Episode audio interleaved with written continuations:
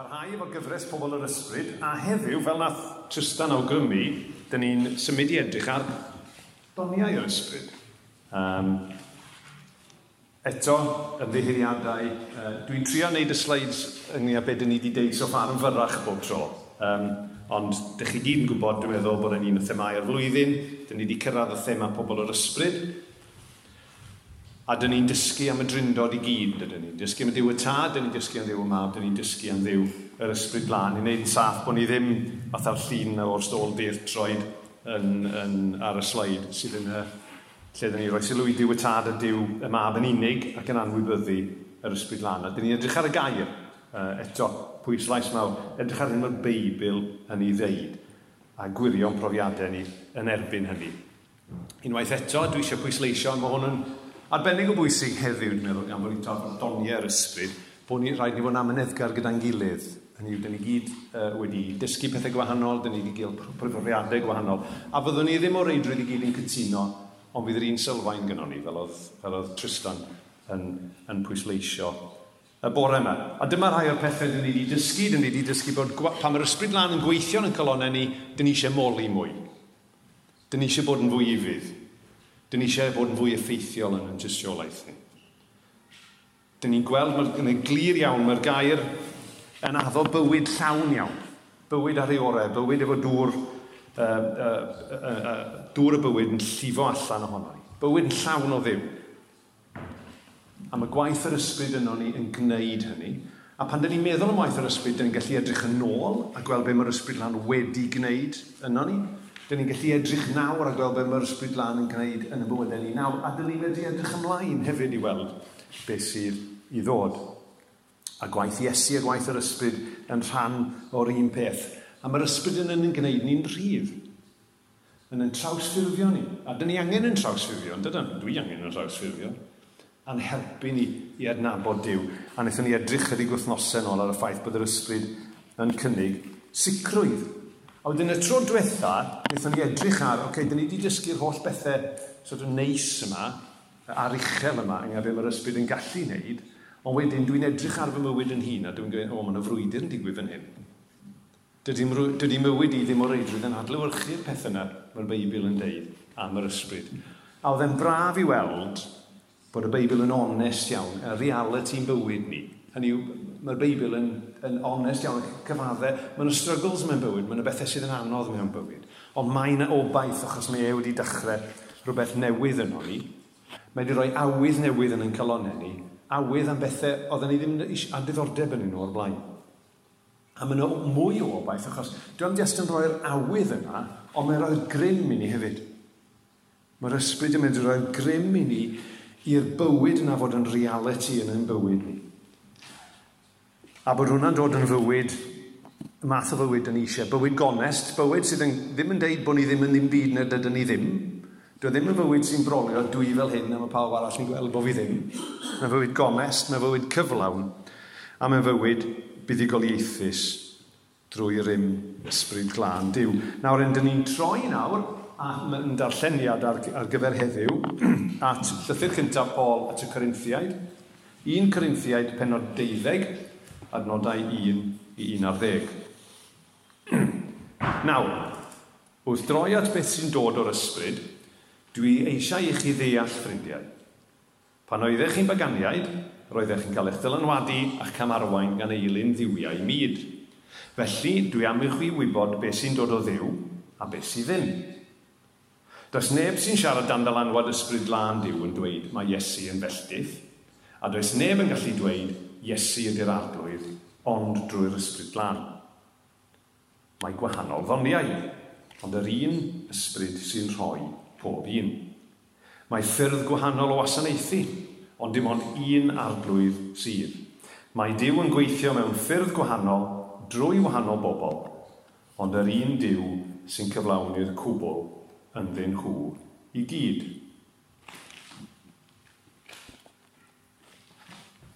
Mae'r ysbryd i weld yn gweithio y mywyd pob unigolyn er lles pawb arall. Felly mae'r ysbryd yn rhoi gair o ddeuthineb i un person. Mae person arall yn cael gair o wybodaeth drwy'r un ysbryd. Mae'n arall yn cael ffydd drwy'r un ysbryd. Ac un arall ddoniau i iachau drwy'r un ysbryd.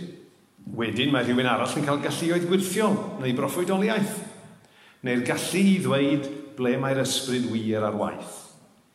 Mae un arall yn cael ei gallu i siarad ieithoedd dieithr.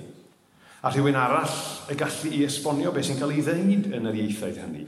Yr un ysbryd sydd ar waith drwyddyn nhw i gyd ac yn penderfynu beth i'w roi i bob un. Falle bod hwnna'n farn cyfarwydd i chi, falle bod yn anghyfarwydd i ni, ond mae'n sôn am lot o bethau gwahanol, dydy. A maen nhw'n bethau yn gyffredinol, dyn ni ddim yn sôn amdanyn nhw yn y capel. Yn ddiweddar iawn, um, o'n i wedi mynd i weld mam. Uh, a, a wedyn, am ryw reswm, oedd gan mam copi o'r tist. Nawr en, y tist ydi fatha papur, um, fatha'r seren, mae'r bydyddwyr efo'r seren, a mae'r annibynnwyr efo'r tist. A mi oedd yna erthigl yn y tist, a be oedd e oedd rhyw grynodeb o rhywbeth oedd y parchedig Geraint Tudur sy'n byw Mangor wedi deud mewn cynhadledd diweddar. A oedd yna cwpl o ddyfyniadau o'n i'n meddwl oedd yn briodol iawn i fi jyst rhannu nhw bore yna. Just meddyliwch, uh, parchedig Geraint Tudur oedd yn gorffen yn ei job fel ysgrifennydd yr annibynnwyr, yn deud hyn, pam nad oes mwy o sôn yn ein blith am y doniau hyn? Pam nad ydym wedi bod yn siarad amdanynt? Pam nad oes trafodaeth faint o bobl yn yr eglwysi o'n cwmpas sydd â doniau nad ydym yn gwybod amdanynt? Ond i'n meddwl bod hwnna'n telyn iawn. A wedyn oedd e'n mynd ymlaen i ddeud hyn. Os bu angen erioed o fewn yr eglwysi, mae angen doniau ysbrydol arnynt heddiw. Trwy'r doniau, gall pawb, a oedd gynnu fe bwyslais ar pawb, trwy'r doniau gall pawb, yn hytrach na dim ond rhai, fod ar rhan mewn sicrau newid i'r sefyllfa. Yr hyn mae gofyn i ni wneud yw ystyried eto yr hyn a ddywedir wrthym yn yr ysgrythu. Ac ystyried eto natur a swyddogaeth yr ysbryd lan a'r hyn y mae'n ei roi i ni yn yr eglwysi. Geiriau doeth iawn o'n i'n meddwl. Geiriau ardderchog gan uh, parchedig uh, Geraint Tudur. So, dyn ni'n mynd i edrych ar y doniau. Oedd yn dweud, pam nad ydyn ni'n dysgu mwy? Wel, oce, okay, dyn ni wedi ymateb i'r her na dyn ni'n trafod, ni trafod y pwnc bore yma. Na, rhaid, chydig bach o gyd-destun. Uh, bydd y rai o'ch chi'n gwybod bod fi'n failed Greek scholar, bod wedi trio dysgu groeg a bod wedi methu. Andrew yn dipyn yn well na fi, os gael ei yn y dosbarth. Oedd, oedd trei, just over the hill and far away o ran ei sgiliau groeg. A Andrew a fi sydd of, a John mae'n fawr yn lagio chydig bach yn ôl uh, trawdd, trawdd uh, trei'n glyfar iawn. Ond, dwi am rhannu chydig o groig efo chi. Okay?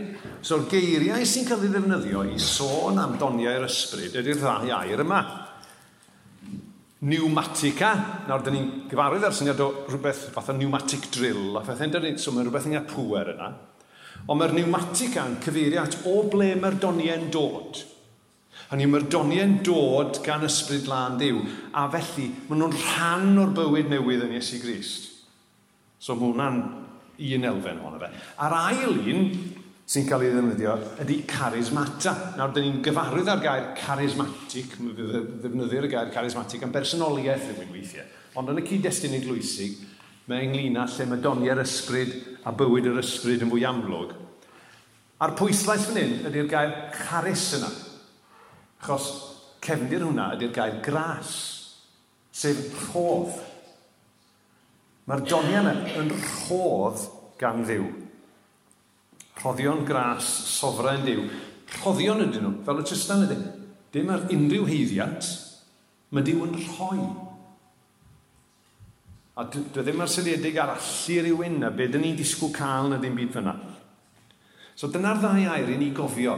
Maen nhw'n dod gan ddiw, Maen nhw'n dod o'r ysbryd lan efo pŵer a maen nhw'n rhoddion yn rhan o ras diw. A unwaith eto, dwi jyst eisiau dod nôl i'r pwynt hwn, achos mae hwn yn bwysig iawn ar y pwnc arbennig yma. Mae rhaid ni gofio bod yna sawl barn gwahanol gan bobl o fewn yr eglwys am y pethau yna. Mae yna wahaniaethau ar ddoni ar ysbryd. Mae yna rai pobl yn credu bod doni ar ysbryd ar gyfer cyfnod penodol. Dwi ddim yn credu hynny. Dwi'n credu bod diw yr un peth. Dwi yn credu bod e'n falle defnyddio pethau fwy mewn rhai cyfnodau, ond dwi ddim yn meddwl bod nhw ddim ar gael ar ein gyfer ni heddiw. Ond mae yna rai Cresnogion cwbl ddidroell sy'n credu hynny, a dwi'n parchu nhw. Ac os ti diw ar waith yn ei bywyd nhw, bendith arnyn nhw. Felly mae rhaid ni fod yn ameneddgar ac yn sensitif gyda'n gilydd. So mae rhaid ni gymryd gofal felly. Ac edrych fel oedd Geraint i ddim awgrymu at be mae'r Beibl yn deud a gwylio sut yn ni'n dihongli y Beibl. So bore yna, fi'n y bedwar rhan, y part 1 chydig bach yn hirach, um, fyddwn ni'n treulio chydig o amser yn edrych ar beth yw'r doniau, a wedyn, hwnna fydd y prif beth, a wedyn, o ran amser, a wedyn beth di pwrpas nhw? Pwy, pwy sy'n cael beth, pa ddoniau sy'n dod i bawb, a sut dylen ni ymateb. Ond un peth, Os ydych chi'n cofio dim byd arall bod yma, dwi eisiau chi gofio yr adnod nesaf sy'n cael ei ddifynnu. Dwi'n newydd i ddarllen e, ynddo. Mae'r ysbryd i weld yn gweithio ym mywyd pob unigolyn er lles pawb arall. So os ydych chi yma bore yma a ydych chi cael eich llaw, llaw diw wedi bod ar eich bywyd chi, a ydych chi wedi dod i'r bywyd, mae'r ysbryd ar waith yn eich bywyd chi. Mae ei weld yn gweithio ym mywyd pob unigolyn a mae er lles pawb arall a byddai'n dod nôl at hynna mewn munud. A pan ydych chi'n edrych ar beth mae Beibl yn deud am ddoniau'r ysbryd, mae yna ddisgrifiadau o'r doniau ymrywiol mewn sawl lle gwahanol. Dyna ni newydd arllen junk o sylweddol ohonyn nhw. Mae yna ddarn yn rifeiniaid, mae yna ddarn yn effesiaid, ac mae yna ddarn yn llythyr cyntaf Pedr. So, beth yw'r doniau? Beth yw'r doniau? fel yn gweud, maen nhw'n cael eu restru mewn sawl lle. A maen nhw wahanol rai. Maen nhw wahanol deip, maen nhw wahanol fathau. A dwi wedi ffindio un rhaniad bach reit defnyddiol felly i helpu fi a gobeithio bod o'n helpu chi.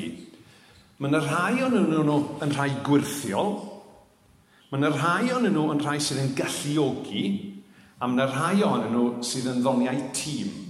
Oedd hwn yn rhywbeth nes i ddarllen, nes i ffind am yn ddefnyddiol iawn. Nawr, dewch i ni edrych yn yr ofesil un. Dewch i ni edrych yn gyntaf ar y rhai gwirthiol. Ac i fod yn onest, pan pobl yn sôn am ddoni ar ysbryd, dyma rhai sy'n gymwy o sylw, achos maen nhw'n fwy amlwg, maen nhw chydig bach yn fwy dramatic, a dyma rhai sy'n gymwy o sylw. Wel, jyst yn y darlleniad na dyn ni newydd wneud o'r llythyr cyntaf at y Corinthiad, maen yna sôn am rai o'n nhw. Mae bod yn apostol yn ddawn yr ysbryd. Oedd adnod 28, wnaethon ni ddim darllen yn bellach mlaen yn y benod, yn deud, ymhlith yr hain, mae Dyw wedi gosod yn yr eglwys yn gyntaf apostolion neu ei gynrychiolwyr. So mae bod yn apostol yn ddawn yr ysbryd. Fe wnaethon ni ddarllen yn adnod 10, mae tafodau siarad mewn iaith dieithr, iaith nefol yn ddawn yr ysbryd. Mae'n rhywbeth mae rhai o'n ni'n gyfarwydd ac e, mae rhai o'n ni ddim. Ond mae e yn ddawn yr ysbryd, mae'r gair yn gwneud hynny'n glir. A gyda hwnna, mae yna ddawn yn ei adehongli. Mae un yn cael y gallu i siarad ieithoedd dieithyr, a rhywun arall y gallu i esbonio beth sy'n cael ei ddeud yn yr ieithoedd hynny. Mae yna sôn am wirthiau. Mae rhywun arall yn gall, cael galluoedd gwirthio. A maen nhw'n sôn hefyd am ddoniau iachau. Pethau falle sydd yn anghyfarwydd i ni. Ond maen nhw yn y gair. Ac os yr ysbryd lan yn gallu rhoi'r doniau yna ar yr adeg yna, mae'n gallu rhoi y doniau yna heddiw hefyd. So dyna yr er galluoedd gwirthio. Wedyn yn y ddoniau, galluogi enabling felly. A efo rhai o'r rhain, a rhai o'r rhain nesaf, fydden nhw, fydd e'n swnio chydig bach yn rhyfedd, achos mewn un ystyr, dyn ni gyd efo rhai o'r rhain. A dyn ni gyd efo cyfrifoldeb am arfer rhai o'r rhain. Ond dwi'n meddwl pan dyn ni'n sôn am ddew yn donio rhywun yn benodol, efo dawn ysbrydol, mae yna rhywbeth extra yna, dwi'n meddwl. A na, na esbonio beth dwi'n meddwl mewn munud. Achos mae'n sôn am ffydd fel dawn yr ysbryd. Nawr, wrth gwrs, pan dyn ni'n dod i gredu, mae pob un ohono ni'n cael elfen o hyn, achos dyn ni'n cael ffydd. Mae'n rhoi'r gallu i ni gredu. Ond ar ben y peth sylfaenol yna, mae yna rhywbeth extra, dwi'n meddwl. Mae un arall yn cael ffydd. Fel tysyn mae'n rhywbeth extra, y ffydd i fod yn mentro i wneud rhywbeth arbennig, neu'r ffydd i fod yn ymestyn allan mewn rhyw ffordd arbennig. Dirnadaeth y gallu i ddeud ble mae'r ysbryd wir ar waith. Y ddawn yna i ddeall pethau fel y maen nhw, i byd o pethau gweld pethau ar y wyneb, ddim gweld pethau'n superficial, ond gweld tu hwnt i'r amlwg, fel roedd Iesu'n gweld. Dyn ni wedi gweld sawl tro ond o mewn pregethau gan Rhys wrth oedd yn trwy fengil lig, pobl yn dod at Iesu Grist, efo rhyw gwestiwn, a mae Iesu Grist yn gwybod beth sy'n tu nôl i'r gwestiwn. Dirnadaeth di hwnna oedd e gan Iesu Grist, a mae'n y ddawn o ddirnadaeth i'n galluogi ni i wneud rhywbeth tebyg, os di Dyw yn rhoi'r ddawn yna i ni. Mae'n y sôn am ddoethineb.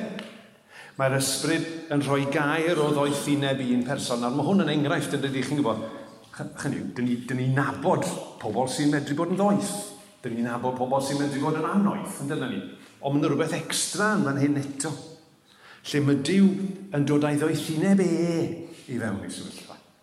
A lle mae'n galluogi pobl i dorri trwy pob dim a dod ar oethineb diw i fewn i sefyllfa. Gwybodaeth. Mae person arall yn cael gair o wybodaeth drwy'r un ysbryd. Dod â gwirionedd diw i sefyllfa. Deud rhywbeth penodol. Bod diw yn goleio'n meddwl, meddwl rhywun ac yn deud, mae'r person yma angen clywed hyn. Mae hwnna yn ddawn un arall o'r doniau, y doniau galluogi. A wedyn maen sôn am ddoniau tîm. Um, Mae hwn yn ddisgrifiad falle chydig, chydig bach yn wannach yn y rest, ond, ond mae'n y list yma, so and I just tour list. O dan y penawd yma, mae'n sôn am Efin Yli. A'i dyma i ddon, dyma i roddion eraill yn rhannu'r newyddion da. Nawr, wrth gwrs, mae'n y gyfrifoldeb arno ni i gyd i rannu'r newyddion da, ond dwi yn credu fo'n onest, yn ymblith ni, dyn ni'n gweld fod yna rai pobl wedi donio i wneud y peth. Ga'i ddeud gan bod nhw ddim yna, Dennis. Mae'n blindingly obvious i unrhyw un sydd yn abod Dennis bod gynnu fe ddawn efengylu. A fydde Dennis yn, yn wahanol i rai o'n ni falle, achos mae jyst yn gallu siarad yn hollol naturiol. Chymod, dyma rai o'n ni sydd yn slightly clunky ac yn embarrassed a wedyn ni ffeindio fe'n anodd. Ond dyn ni'n gweld fyna y gwahaniaeth, mae y gyfrifoldeb yn o'n ni gyd i'r rannu. Ond dyn ni'n gweld esiampl byw yn ein plith ni, a diolch amdano fe, o rywun sydd wedi cael y ddawn i efengylu. Mae'r ei galon ni, mae jyst yn llifo allan ohono fe. A bydde Dennis y person cyntaf i ddeud, nid fe sydd roi yna, diw drwy'r ysbryd lan sydd roi yna iddo fe. Mae yna sôn am ddawn proffwydo. Os ydy Dyw wedi roi'r gallu ti roi neges proffwydol, gwna hynny gan, gan, pan wyt ti'n gwybod fod Dyw am i ti'n neud, dod â neges Dyw i fewn i sefyllfa annog. Bod yn ymyl rhywun i helpu nhw. Eto, sy'n yn ddawn naturiol i ryw raddau. Ond ni hefyd yn gwybod am rai bobl sydd wedi cael ei donio er mwyn gwneud hynny mewn ffordd special iawn. Bigeilio, gofalu am rhywun. Eto, yn gyfrifoldeb arno ni gyd, Ond eto yn rhywbeth, pan mae rhywun wedi cael y ddawn gan fyw, maen nhw'n gallu gwneud hynny gymaint yn well. Gwasanaethu. A dyn ni dechrau sôn am bethau sydd yn swnio'n ymarferol iawn yn dydyn. Dyn ni wedi sôn am y pethau gwirthiol, ond dyn ni sôn am y pethau ymarferol iawn nawr. Rhai sy'n helpu eraill. Eto, cyfrifoldeb arno ni gyd. Ond eto, mae'r gair yn awgrymu bod yna ddawn arbennig, ychwanegol, mae Dyw yn rhoi i rai i wneud hynny. Rhoi Os wyt ti'n rhannu dy eiddo gydag eraill, bydd yn hael. Eto, cyfrifoldeb yna ni gyd i roi. Ond mae'n sôn dan fe fel darn. Gweinyddu, mae hwn yn major relief i fi, achos hwn yr unig un dwi'n gallu gweld yn y byd fy hun. Okay, dwi'n weddol dda yn drefnu pethau. Okay? So, gweinyddu, cyfarwyddo, cyngor ac arweiniad. Ond ych chi'n gweld, yr whistle-stop tour yna dros y, y, y doniau gwirthiol, y doniau galluogi, y doniau tîm, yr amrywiaeth. A'r pwynt yw, maen nhw ar gael heddiw. Maen nhw ar gael i bobl ddim heddiw.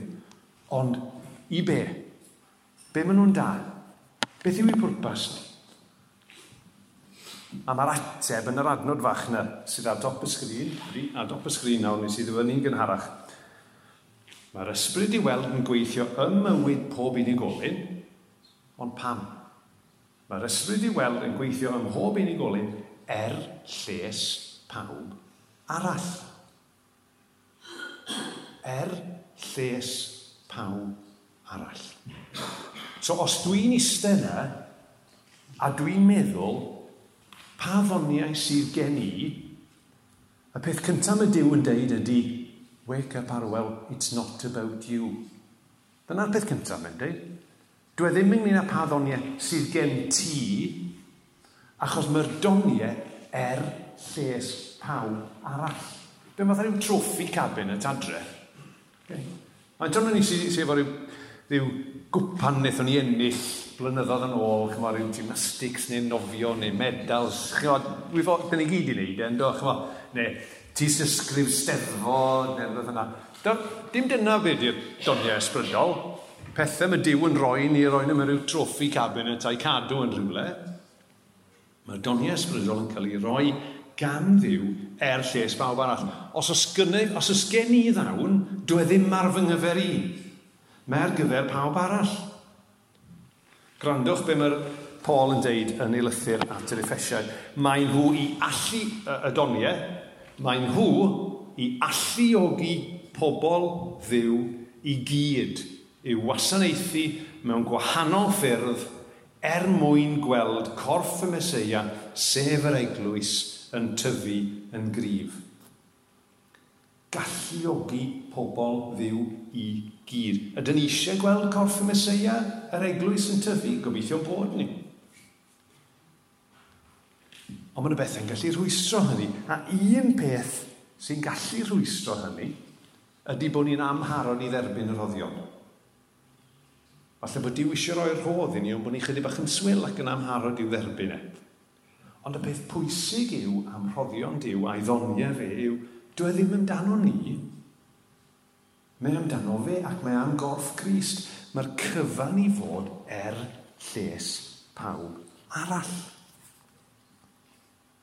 Cwestiwn amlwg arall sy'n wastad yn poeni pobl pan maen nhw'n sôn am doni ar ysbrydol ydy, wel, pwy sy'n cael beth?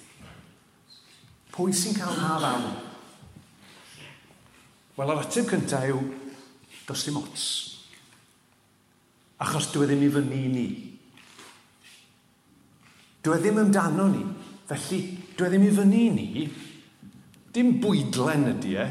I ni sydd o ddeud, dwi eisiau hwnna, dwi eisiau hwnna, dwi eisiau hwnna. Dim dyna sy'n mae'n gweithio. Wel, synio blaen pan oeddwn ni'n edrych yn uh, llythyr cyntaf Iwan, penod pedwar, adnod 13. Dyna ni'n gwybod ein bod ni'n byw ynddo fe a bod ei fywyd e yno ni am ei fod yn rhoi ei ysbryd i ni. Eto, dyn ni'n ôl i'r busnes yma. Rhodd ydy, e. mae'r ysbryd wedi rhoi. Rhodd yw'r ysbryd lan ac mae e'n rhoi rhoddion i'w bobl. Fe sy'n penderfynu beth. Fe sy'n penderfynu pa ddoniau mae'n rhoi i bawb. Yr un ysbryd sydd ar waith drwyddyn nhw i gyd ac yn penderfynu beth i'w roi i bob un. Fe sy'n dewis. Fe sy'n dewis beth i'w roi. Be di'r plan, be di plan felly? Be di plan diw? Tasyn ni wedi darllen ymlaen yn uh, y llythyr at y Corinthiad, pen o deuddeg, fydden ni wedi dod i'r dan sydd yn sôn am yr eglwys fel corff, a mae'n sôn am y llaw, a'r goes ac yn y blaen. Pwy sy'n gwybod beth ydy'r plan? Ydy'r llaw yn gwybod beth ydy'r plan? Nag di. Ydy'r goes yn gwybod beth ydy'r plan? Nag di. Pwy sy'n gwybod beth ydy'r plan? Y pen. Pwy ydy'r pan? Iesu Grist. Fe sy'n gwybod beth sy'n orau? Fe sy'n gwybod beth sydd ei angen? er lles pawb arall. Fe sy'n gwybod beth yw'r peth doetha i roi i rywun. Be sy'n angen i ni wneud ydy derbyn beth yw dewis diw yr Ysbryd ar ein cyfer ni. Felly, sut dyna ni ymateb? Da ni'n edrych ar y gair a da ni'n gweld yr hester amrywiol iawn yma o ddoniau'r ysbryd. A fel dwi wedi dweud yn barod, nid bwydlen ydy e. Chymo i chi ddim mewn, gai hwnna, gai hwnna, gai hwnna. Dim bwydlen ydy e. I ddewis ohono fe. Yr ysbryd ei hun sy'n rhannu. Ond mae e eisiau cynnig i ni. Mae e eisiau cynnig rhoddion i ni. Beth yw'n ymateb ni? Ydyn ni'n eistedd nôl neu ydyn ni fodlon derbyn? Yn ddiweddarach yn y benod yna nes i ddarllen ohono fe, dyn ni'n ceisio, dyn ni'n darllen y geiriau yma. Ceisiwch yn frwd y doniau hynny sy'n gwneud mwyaf o les. Ceisiwch yn frwd y doniau hynny sy'n gwneud mwyaf o les. Ac i fi, di hwnna ddim yn golygu, reit, be di ei sy'n ei mwyaf o les? Hwna, hwna, hwna, sy'n ei geisio rheina. I fi, mae hwnna ynglyn â gofyn i ddew, ti sy'n gwybod beth sydd eisiau yn y sefyllfa yma. Dwi eisiau bod yn rhan o'r waith di. Nid i rhoi'r ddawn wyt ti eisiau rhoi i fi ar gyfer yr angen dwi'n wynebu. Sut dyn ni'n gwneud hynny? Dyn ni'n dechrau gyda gair Dyw fel dyn ni wedi wneud heddiw. Dyn ni'n darllen, dyn ni'n myfyrio, dyn ni'n trio deall. Dyn ni'n gweddio, dyn ni'n troi at ddiw i'w geisio fe a gofyn iddo fe be mae e eisiau roi i ni. A dyn ni'n ceisio hynny yn frwd. Dyn ni'n ceisio arweiniad doeth. Mae yna bobl yn ymplith ni yn, yn, yn, yn, yn ddoeth ac yn, yn mynd ni droi at nhw. Troi at y gair. Bod ni ddim yn neud dim rhyw, rhywbeth i ni, i ni ddilyn yn o'n un hunain ydy. E?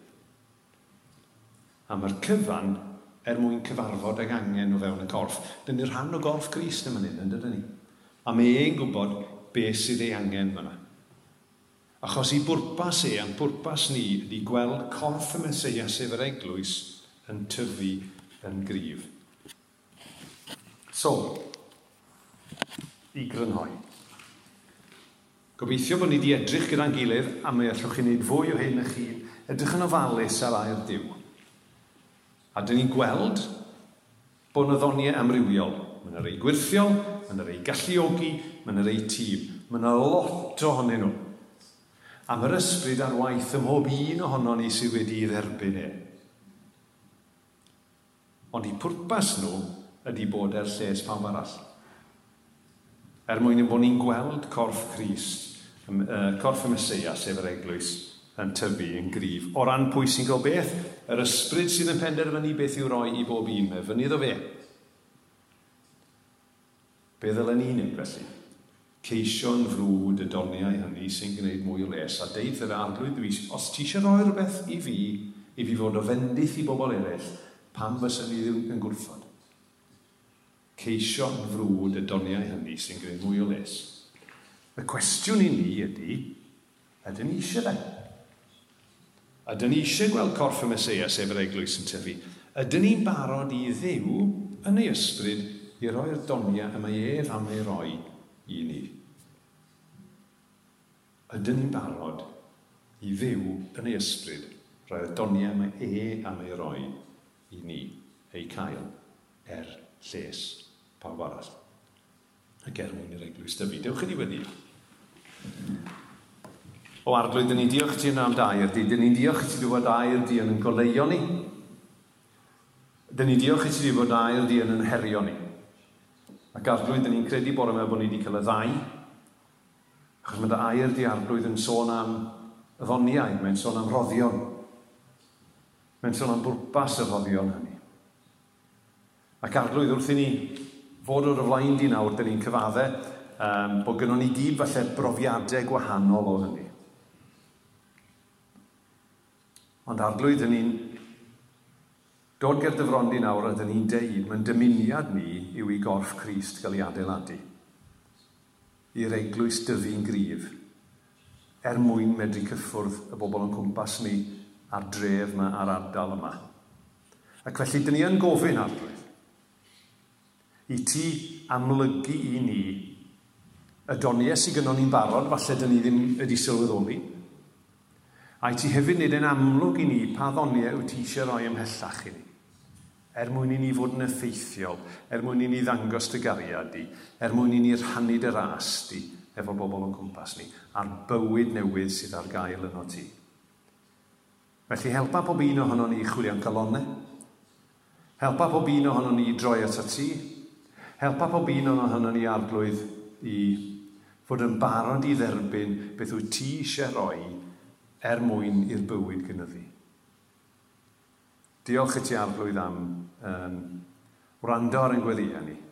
Helpa ni barhau nawr i weddio ac i feddwl am y peth hwn. Am y bod ni'n gofyn y cyfan yn ei Iesu.